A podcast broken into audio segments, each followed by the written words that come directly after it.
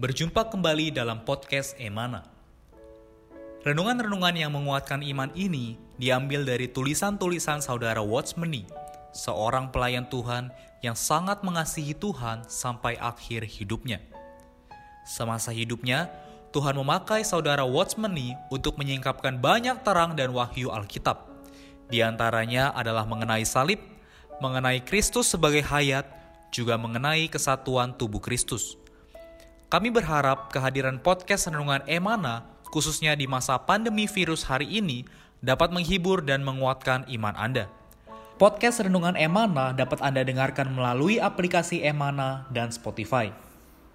Anda dapat menghubungi kami pada nomor hotline Emana di 0851 5677 2397. Sekali lagi Anda dapat menghubungi kami pada nomor hotline Emana di 0851 5677 2397. Buku-buku saudara Watchmeni secara lengkap dapat Anda peroleh di toko buku Yasmerin, Tokopedia, Google Playbook, atau di website resmi yasmerin.com. Selamat menikmati seri renungan hari ini. Syukur pada Tuhan, saudara-saudari yang terkasih di seluruh Indonesia bagi para pendengar podcast Emana. Hari ini saya dan saudara Hansen kembali hadir untuk bersama-sama menikmati perkataan Tuhan, seri yang menguatkan iman di tengah pandemi ini. Hari ini dengan judul dan topik mendapatkan perkenan Allah. Sudah Hansen ini topik yang menarik ya, mendapatkan perkenan Allah di tengah situasi hari ini. Iya, siapa sih yang nggak senang ya kalau mendapat perkenan Allah, mendapat perkenan dari seorang yang penting aja di dunia ini sangat berarti ya. Betul. Apalagi perkenan Allah ya. Topik yang menarik. Amen. Amen. Ya, kiranya memang uh, situasi pandemi hari ini bukan satu batasan bagi kita untuk uh, jauh dari Tuhan ya, jauh dari Allah. Justru ini adalah momen yang baik bagi kita semua untuk bisa mendapat perkenan Allah.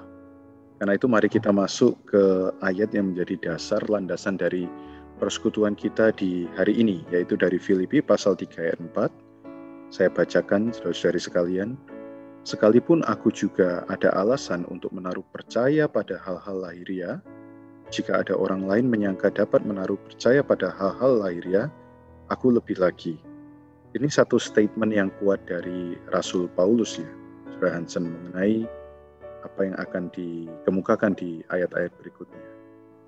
Iya, betul ya. Ini tulisan Rasul Paulus yang kembali mengingatkan kita bahwa dia sebenarnya punya alasan ya untuk bisa bermegah atas perkara-perkara yang lahiriah yeah. karena latar belakang Yahudinya ya yang sangat ketat ya dan juga kita bisa bilang dia sangat mengikuti ajaran agamanya waktu itu. Sehingga kalau itu menjadi satu tolak ukur dia bisa diperkenan oleh Allah, maka dia begitu yakin ya bahwa dia akan diperkenan oleh Allah melihat sisi dari karakter Rasul Paulus adalah seorang yang betul-betul giat di dalam agamanya dahulu sebelum dia mengenal Tuhan Yesus. Ya, jadi ayat ini satu anti tesis ya kalau orang bilang ya. adalah justru uh, hal yang berkaitan dengan kekuatan diri sendiri, hal-hal lahiriah ini bukanlah hal yang diperkenan oleh Allah. Jadi saudari yeah. lantas bagaimana uh, kita bisa mendapat perkenan Allah? Mari kita simak paragraf berikut. Dikatakan bagaimana hasil persembahan Kain dan Habel. Alkitab memberitahu kita, maka Tuhan mengindahkan Habel dan kurban persembahannya itu, tetapi Kain dan kurban persembahannya tidak diindahkannya. Mengapa Allah berkenan kepada Habel dan persembahannya, tetapi tidak berkenan kepada Kain dan persembahannya.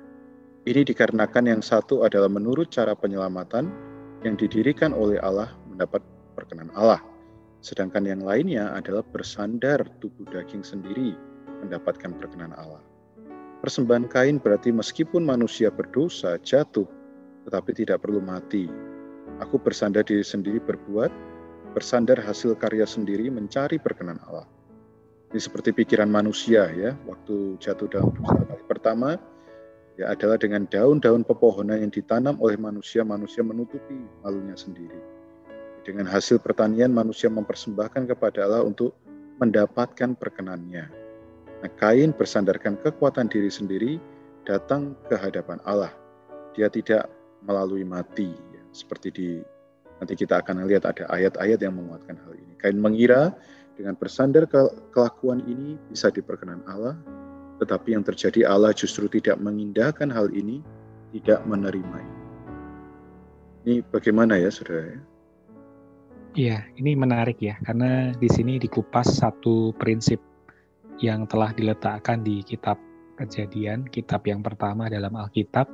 Dan kalau kita melihat dari kisah Kain dan Habel ini meletakkan satu dasar bahwa Allah itu menyelamatkan manusia bukan menurut perbuatan baik maupun jahat ya, yeah. bukan mengacu pada amal ataupun kebaikan yang dilambangkan oleh eh, daun-daun uh, kering ya. Amin. Ataupun juga melalui persembahan kain yang berupa hasil bumi. Yeah. Memang itu adalah hasil yang terbaik ya. Kita yakin, kita percaya dia mempersembahkan hasil yang terbaik dari pertaniannya, tetapi kita melihat prinsip yang Allah letakkan adalah adanya persembahan yang mengandung darah. Ya, ini satu hal yang penting ya, saudara-saudari sekalian. Jadi apa yang kita persembahkan kepada Allah tentu harus sesuai dengan apa yang Allah inginkan. Ya. Yeah. Amen.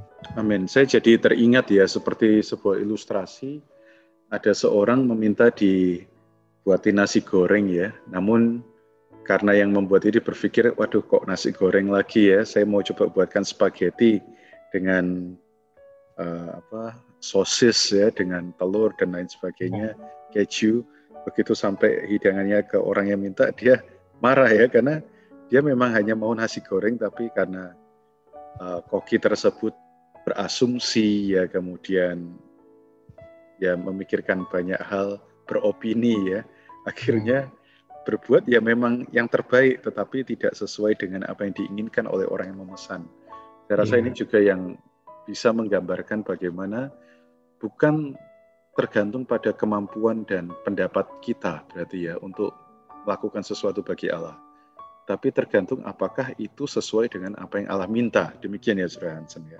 Iya, betul. Ya. Karena sesuai topiknya ya yaitu perkenan Allah.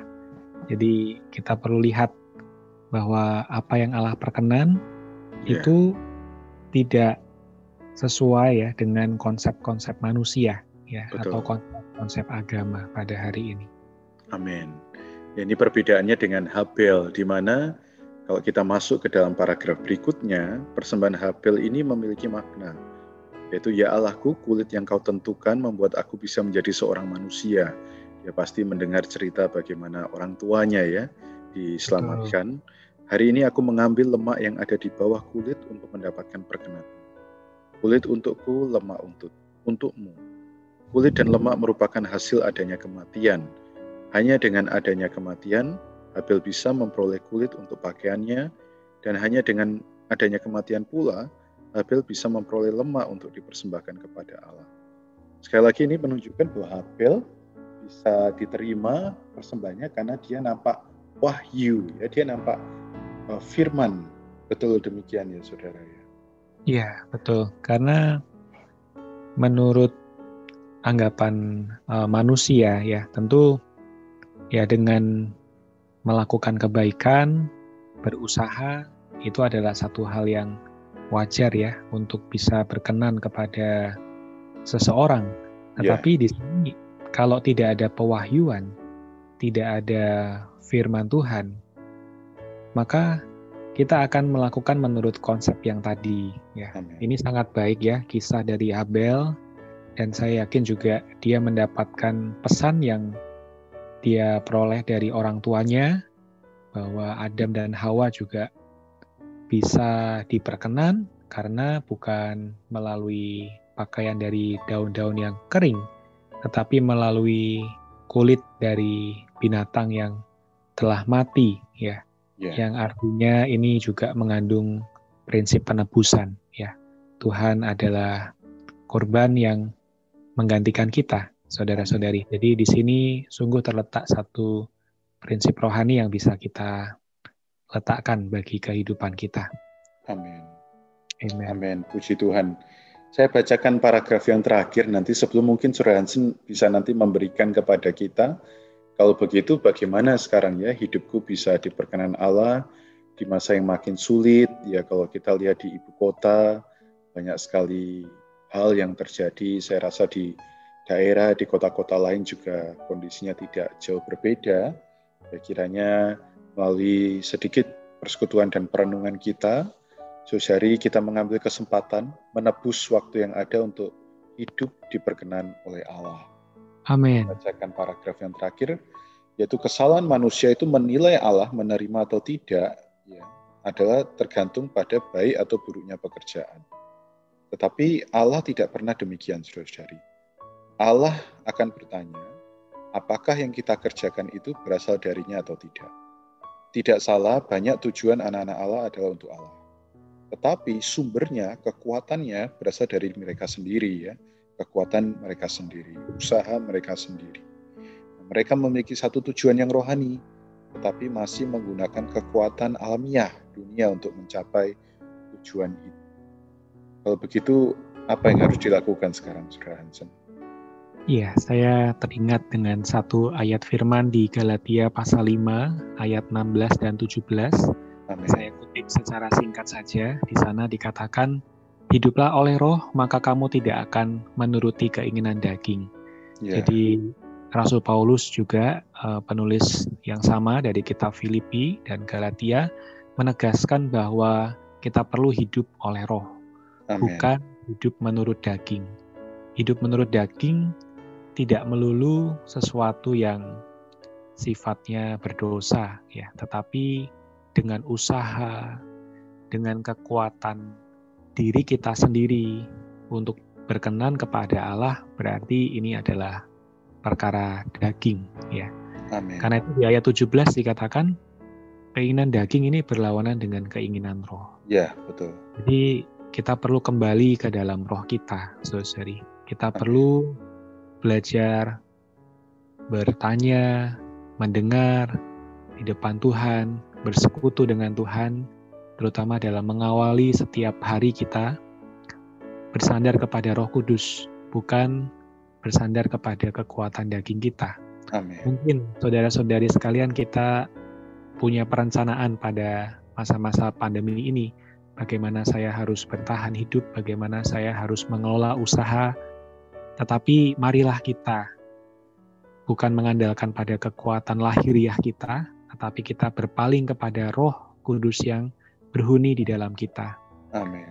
Menjadikan Dia sebagai Tuhan kita. Kita Amin. panggil nama Dia, berarti kita juga mengakuinya bahwa Dia adalah Tuhan atas hidup kita. Amin. Mari kita berpaling dan bersatu dengan Dia dalam mengerjakan setiap urusan. Amin. Paling sederhana tentu melalui kita memanggil namanya. Amin. Kepadanya, Tuhan Yesus, Oh Tuhan, apa yang Amin. harus aku kerjakan pada hari ini? Amin. Semoga ini bisa menjadi satu bantuan buat kita semua. Amin. Ya, terakhir sebelum Saudara Hansen menutup di dalam doa, saya jadi teringat kembali dengan Mazmur 73 ya, mengenai pemazmur yang melihat hari ini situasinya, waktu itu ya, maaf, waktu itu melihat situasinya kok tidak berpihak pada dia dalam tanda kutip ya. Orang yang tidak mengenal Tuhan malah mujur, orang yang tidak mengasihi Tuhan ya dikatakan orang fasik malah hidupnya sukses sedangkan dia sendiri kok penuh dengan tekanan, penuh dengan pergumulan. Namun di Mazmur 73 ayat 17 dia masuk ke tempat kudus Allah yaitu yang tadi surah kita ya, surah Hansen katakan adalah kembali ke dalam roh, maka dia akhirnya mendapat penglihatan yang jelas. Terus hari betul, hari ini mau hidup berkenan kita perlu punya pandangan yang jelas. Nah, pandangan jelas itu ada di dalam roh, dan juga di dalam pertemuan ibadah. Saya Amin. sekaligus mau mengumumkan bahwa setiap hari Minggu malam, ya Spring, ada Bible Study online. Saya rasa ini sangat baik untuk Bapak Ibu Saudari ikuti, supaya kita punya pandangan yang jelas di masa yang begitu tidak jelas ini. ya situasi Betul. yang kabur, situasi yang runyam, melalui kita berpaling ke dalam roh dan sering datang ke dalam pertemuan ibadah, seperti Bible Study setiap minggu malam, Saudari Anda akan memiliki pandangan jelas mengenai pengaturan Allah dan kedaulatan Allah di dalam hidup kita. Baik, Saudara Hansen, saya persilakan untuk menutup uh, podcast kita di dalam doa. Amin. Mari saudara-saudari yang terkasih, kita satu di dalam doa. Tuhan, kami mengucap syukur melalui terang firman-Mu, Engkau ya. menyingkapkan kebenaran kepada kami, Amin. bahwa hidup kami agar bisa diperkenan oleh-Mu bukan bersandar atau bersumber kepada kekuatan lahiriah ataupun Amin. daging kami ya Tuhan. Sungguh selamanya daging kami tidak pernah bisa memuaskan Allah. Betul. Tuhan karena itu kami mau belajar berpaling kepada Roh Kudus. Amin. Oh Tuhan, kami tidak mampu, kami lemah adanya, tapi ada Roh Kudus yang hidup dan mau berkarya di dalam diri kami. Amin. Tuhan, Engkaulah Roh itu, Engkaulah Roh yang berperan untuk hari demi hari menjadi energi bagi kami, kekuatan, tenaga yang menunjang hidup kami. Amin. Sehingga boleh kami berkata seperti Rasul Paulus, bukan lagi kami yang hidup, bukan lagi aku yang hidup, melainkan Kristus yang hidup di dalam aku. Amin. Tuhan, kami juga mohon kau menjaga di masa-masa pandemi ini, agar saudara-saudari yang terkasih semuanya dalam kondisi yang sehat, baik roh, jiwa maupun tubuh mereka. Terima kasih Tuhan, kami berdoa dalam namamu yang menang. Amin. Amin. Puji Tuhan, terima kasih Saudara Hansen untuk hari ini. Tuhan memberkati. Ya, sama-sama. Tuhan memberkati. Amin. Sekian podcast Renungan Emana hari ini. Kami akan kembali pada seri berikutnya. Anugerah dari Tuhan Yesus Kristus dan kasih Allah dan persekutuan Roh Kudus menyertai kita semua.